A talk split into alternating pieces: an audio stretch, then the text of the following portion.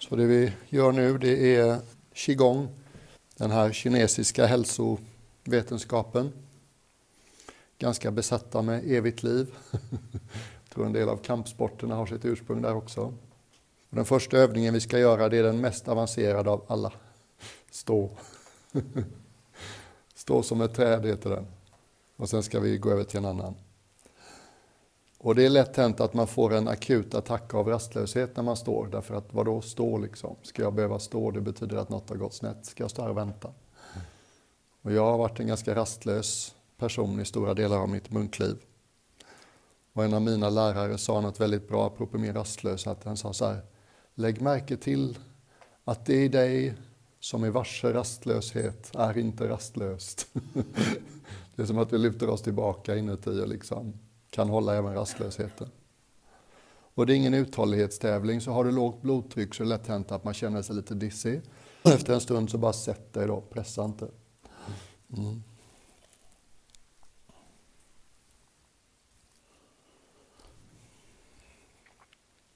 Så de klassiska, typ 3000 år gamla instruktionerna är att fötterna ska vara på axelbredd och att insidan av fötterna ska vara parallella. De flesta av oss är vana vid att stå lite kalanka tror jag, så att det här känns lite som eh, kofot. Och så bara lägg märke till fotsulorna hur sensationellt liksom mjuka och känsliga de är. Kan ha ögonen öppna eller stängda. Jag tror det liksom klassiska qigong-instruktionen är en mjuk blick. Liksom vi har någon slags personlig kroppsvisfär som är ungefär lika stor som armlängd ifrån oss. Det är rätt skönt att kunna liksom låta ögonen vila på det. Och ibland kan man bli generad och då tycker man det är skönare att stänga dem eller whatever. Men fotsulorna, deras mjukhet. Hur oändligt mycket svårare det hade varit att stå så här om våra fotsulor var gjorda av trä eller något.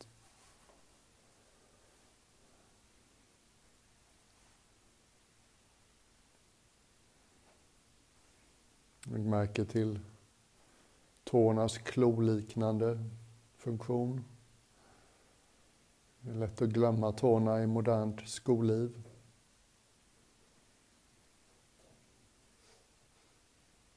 Bara checka av att höger och vänster fot bär ungefär lika mycket.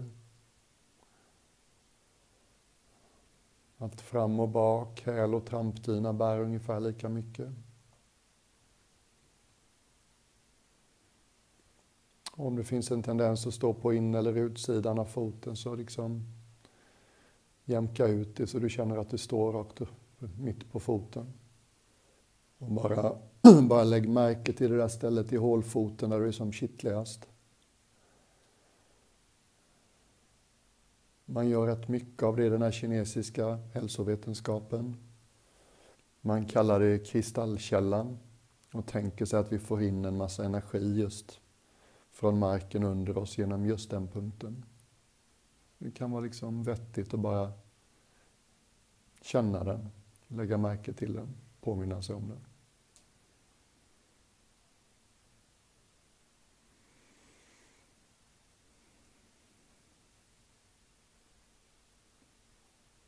Försök inte hålla någonstans i kroppen utan verkligen låt fötterna bära dig.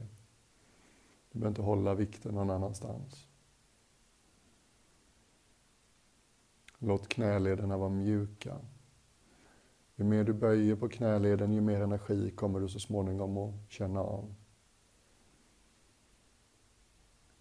Perspektivet inom qigong och tai chi är att energi rör sig lättare genom en böjd led. Att uträtade leder låser, blockerar energiflödet. Så att uppmuntran är att låta alla lederna i kroppen vara mjuka. Alla de små lederna i händerna. Inga uträtade leder där. Armbågarna får vara mjuka. Axelleden får vara mjuk. Tendensen kan vara att låta axelleden klistra ut med bålen. Beskrivningen i den här, vad hette det nu? Kejsarens gula bok eller någonting där qigong finns beskrivet. det är att man ska hålla armarna som om man hade ett koltrastägg i varje armhåla. Jag gissar att de inte är lika stora som hönsägg.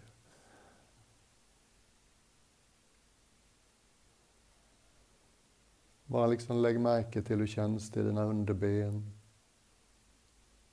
Hur känns det i den stora starka lårmuskeln, kroppens allra starkaste muskel. Den nedre delen av oss som så sällan får samma sorts uppmärksamhet som övre delen får. Så småningom, eller kanske redan har det hänt, att det börjar darra lite i benen. Det är ett gott tecken. Ju mer böjda dina knän är, ju mer kommer det så småningom att börja darra lite.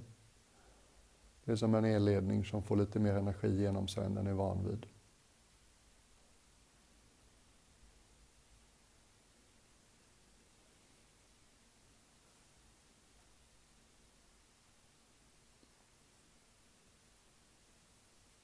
Känn av bålens bas, de lite genanta områdena, rektum och området innanför där.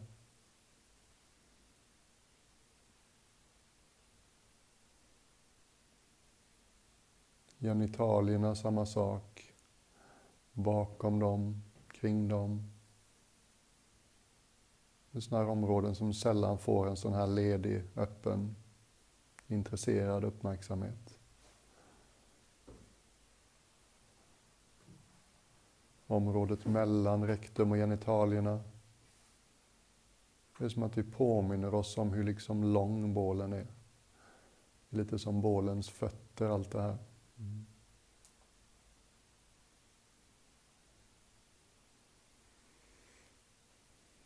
Den här punkten i magen jag pratade om i innan frukosten, meditationen.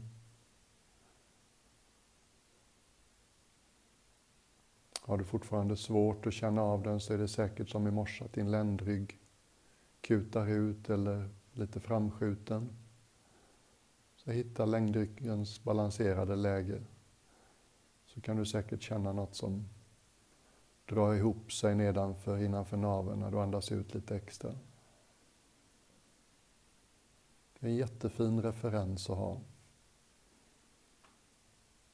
Min gående meditation tog verkligen ett steg framåt när jag vande mig vid att gå från den här platsen. Inte gå från huvudet som är så lätt hänt. Gå från kraftkällan i magen.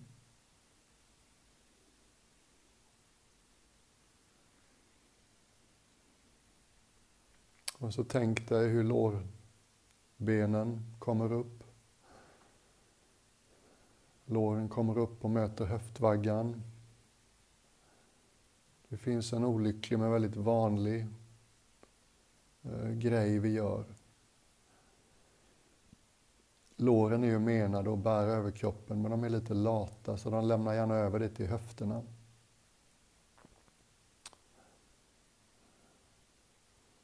Kanske kan du känna runt höfterna att det är liksom onödigt spänt, att höfterna tycks hålla om överkroppen på ett sätt som inte borde behövas.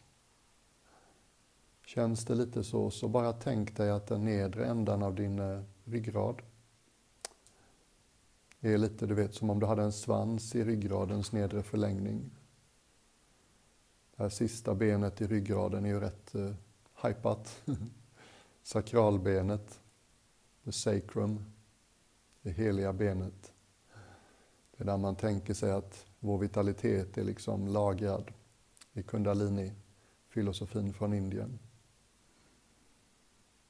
Och av olika skäl så blir ofta tendensen med modernt människoliv att sakralbenet och den tänkta svansen pekar bakåt. Om du känner att det är fallet lite för dig så tänk dig att du liksom för in svanskotan och den tänkta svansen i förlängningen.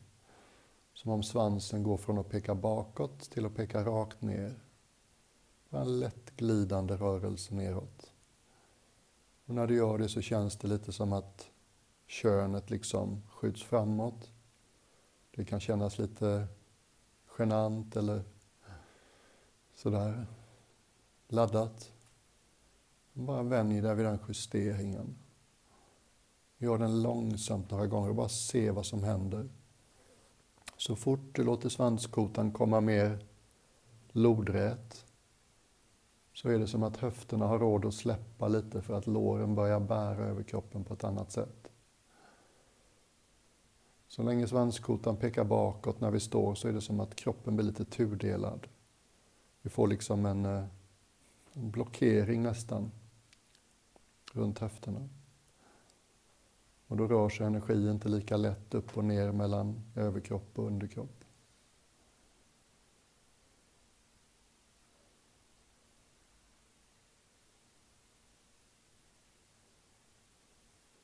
Och om du undrar vad jag pratar om när jag säger energi så många gånger, så tro inte att det är något konstigt.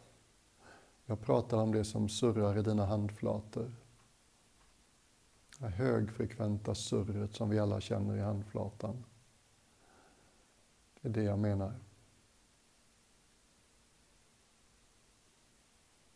Det är jättekonstigt att det inte finns ett självklart ord för det på västeuropeiska språk.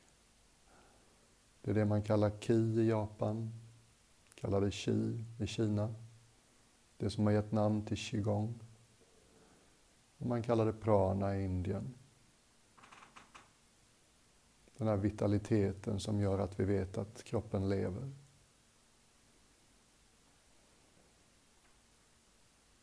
Om du lyssnar förmodligen känner du av det surret i handflatorna. Lyssnar du uppåt underarmarna så kan du säkert känna hur det faktiskt rör sig uppåt i dem lite också. Det här händer förstås i hela kroppen hela tiden, men vissa ställen är så mycket lättare att känna det.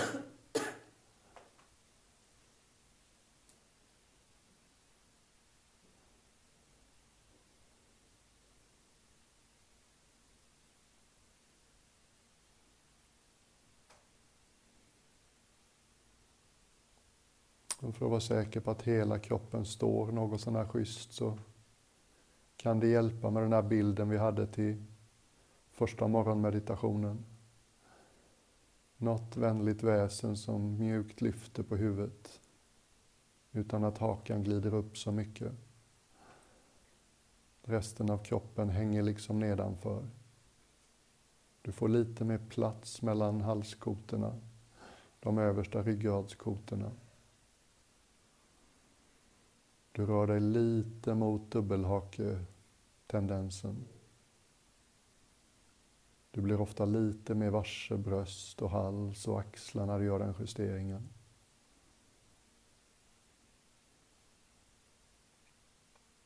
Och säkert kan du nu mer och mer börja känna hela kroppen som står här. Det här kallas att stå som ett träd. Den klassiska beskrivningen är att energin som du känner i handflatorna kanske börjar surra upp för benen också. Ofta känner vi mer av den i insidan av benen än utsidan. Och beskrivningen är att benen är som barken på trädet. Innanför barken så stiger saven.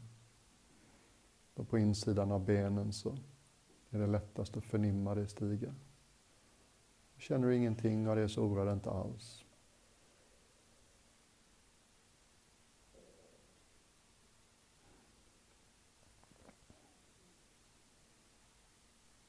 Och nu ska vi gå över till en annan klassiker som kallas att hålla ballongen. ja. Och den klassiska instruktionen är att vi tänker oss att vi står i en flod. Och vi tittar liksom medströms, så vi har, lite, vi har ett litet tryck av vattnet bakom oss. Det trycker lite på baksidan av vår kropp.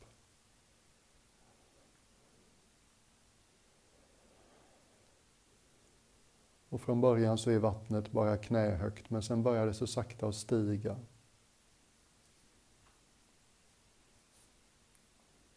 Så småningom så når det dina händer. Och då börjar det väldigt, väldigt sakta Och lyfta dina händer och armar. Supersakta. Mycket långsammare än sekundvisan till och med. Du är sakta, sakta på väg mot en cirkel framför bröstet. Men låt det verkligen ta sin tid. Hur lite ansträngning kan du komma undan med och ändå låta händerna sakta stiga? Nästan så vi kan göra den rörelsen med nästan bara avsikt. Nästan bara intention. Det är det här som är liksom den fina edgen i qigong. Är det något jag anstränger nu som jag kan slappna av i? Är det någon muskel som jobbar i onödan? Kan jag kliva ur vägen för mig själv? Kan jag vara lite mindre i vägen? Nästan låta de här rörelserna ske som av sig själva. Nästan så att bara bilden av vattnet som stiger och lyfter dina armar räcker. Åh, vad trevligt med en grupp som inte bara tjoff tar upp armarna utan låter det få ta sin tid. Och stanna med det. Det kan vara lite obehagligt. Man kan känna sig lite vimsig. Är vi spända i axlarna så kan det här kännas väldigt jobbigt. Fortsätt andas. Det finns ofta en vana att liksom tunna på andningen när någonting är obehagligt.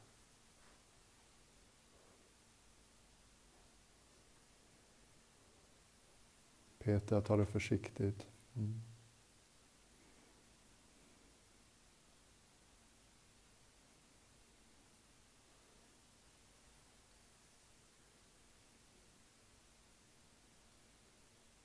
En väldigt speciell sorts ansträngning. Det är som, hur kan jag anstränga mig ännu lite mindre och ändå få det att hända? Är det någonting jag spänner i onödan som jag kan slappna av? Och då och då kolla tillbaka så att svansen inte har börjat peka hej vilt bakåt utan att den får hänga neråt. Att fötterna bär jämnt fram och bak, höger och vänster.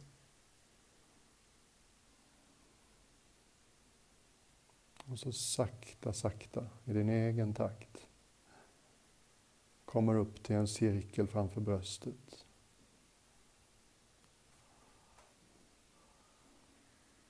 Om du slutar med fingrarna för de olika två händerna, 3, 5, 7, 9 centimeter ifrån varandra,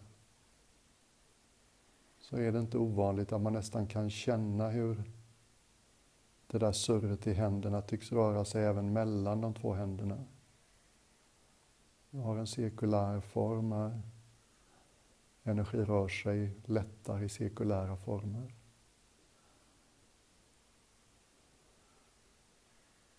Så daoismen, de som uppfann qigong, de var inte ute efter att skapa energi, de var ute efter att ta tillvara energi.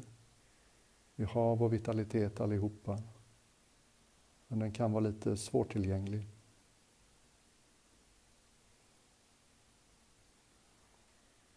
Och här förstår du säkert varför det heter hålla ballongen.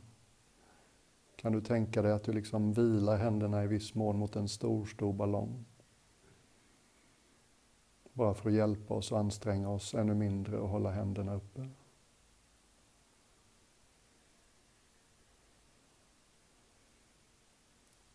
Axlar och skuldror är ju vanliga områden som vi liksom spänner oss i vanemässigt. Och bara också att checka att du inte har låst dem i onödan.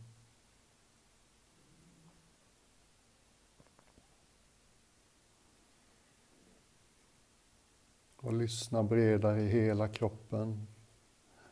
Kan du känna någonting darra genom benen kanske? Kanske till och med någonting som rör sig upp genom höftvaggan och stiger fortsatt upp genom överkroppen, vad vet jag. Hur skulle din kropp kännas om du sa ja till det där som surrar? Mm. Om du inte gjorde minsta onödiga ansträngning. Om du kunde slappna av mitt i ansträngningen.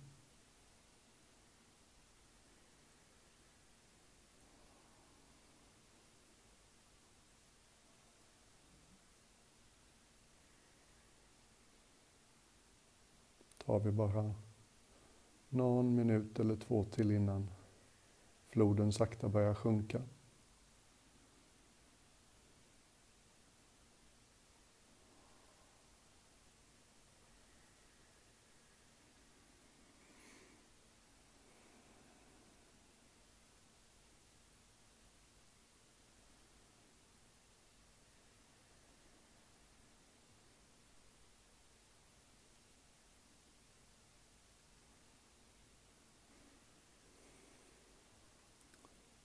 Och där, väldigt sakta, så börjar floden att sjunka igen. Gör det här väldigt närvarande. Det är så himla lätt att avslutningar blir förbisedda och slarvade med. På samma fina sätt som du sakta lät händerna lyfta när floden steg så låter vi nu händerna få sjunka i takt med att floden sjunker. Släpper det inte. Lägger märke till hur det känns i armar och händer och hela kroppen. Kanske får du ännu lite mer din egen känsla för vad, hur energi känns för dig. Surret i händerna kanske känns lite mer i fotsulorna nu. Kanske lite mer i armarna. Kanske lite mer i benen. Ibland kan det till och med kännas som att man står i en pelare av energi. Stigande.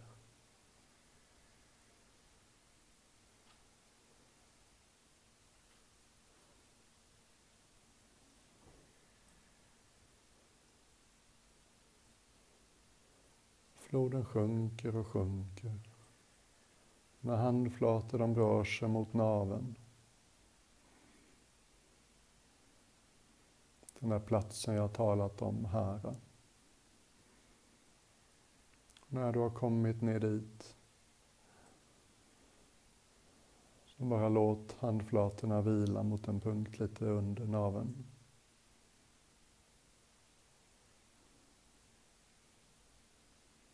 Och liksom återvinna energin. Låt magen få känna den energin.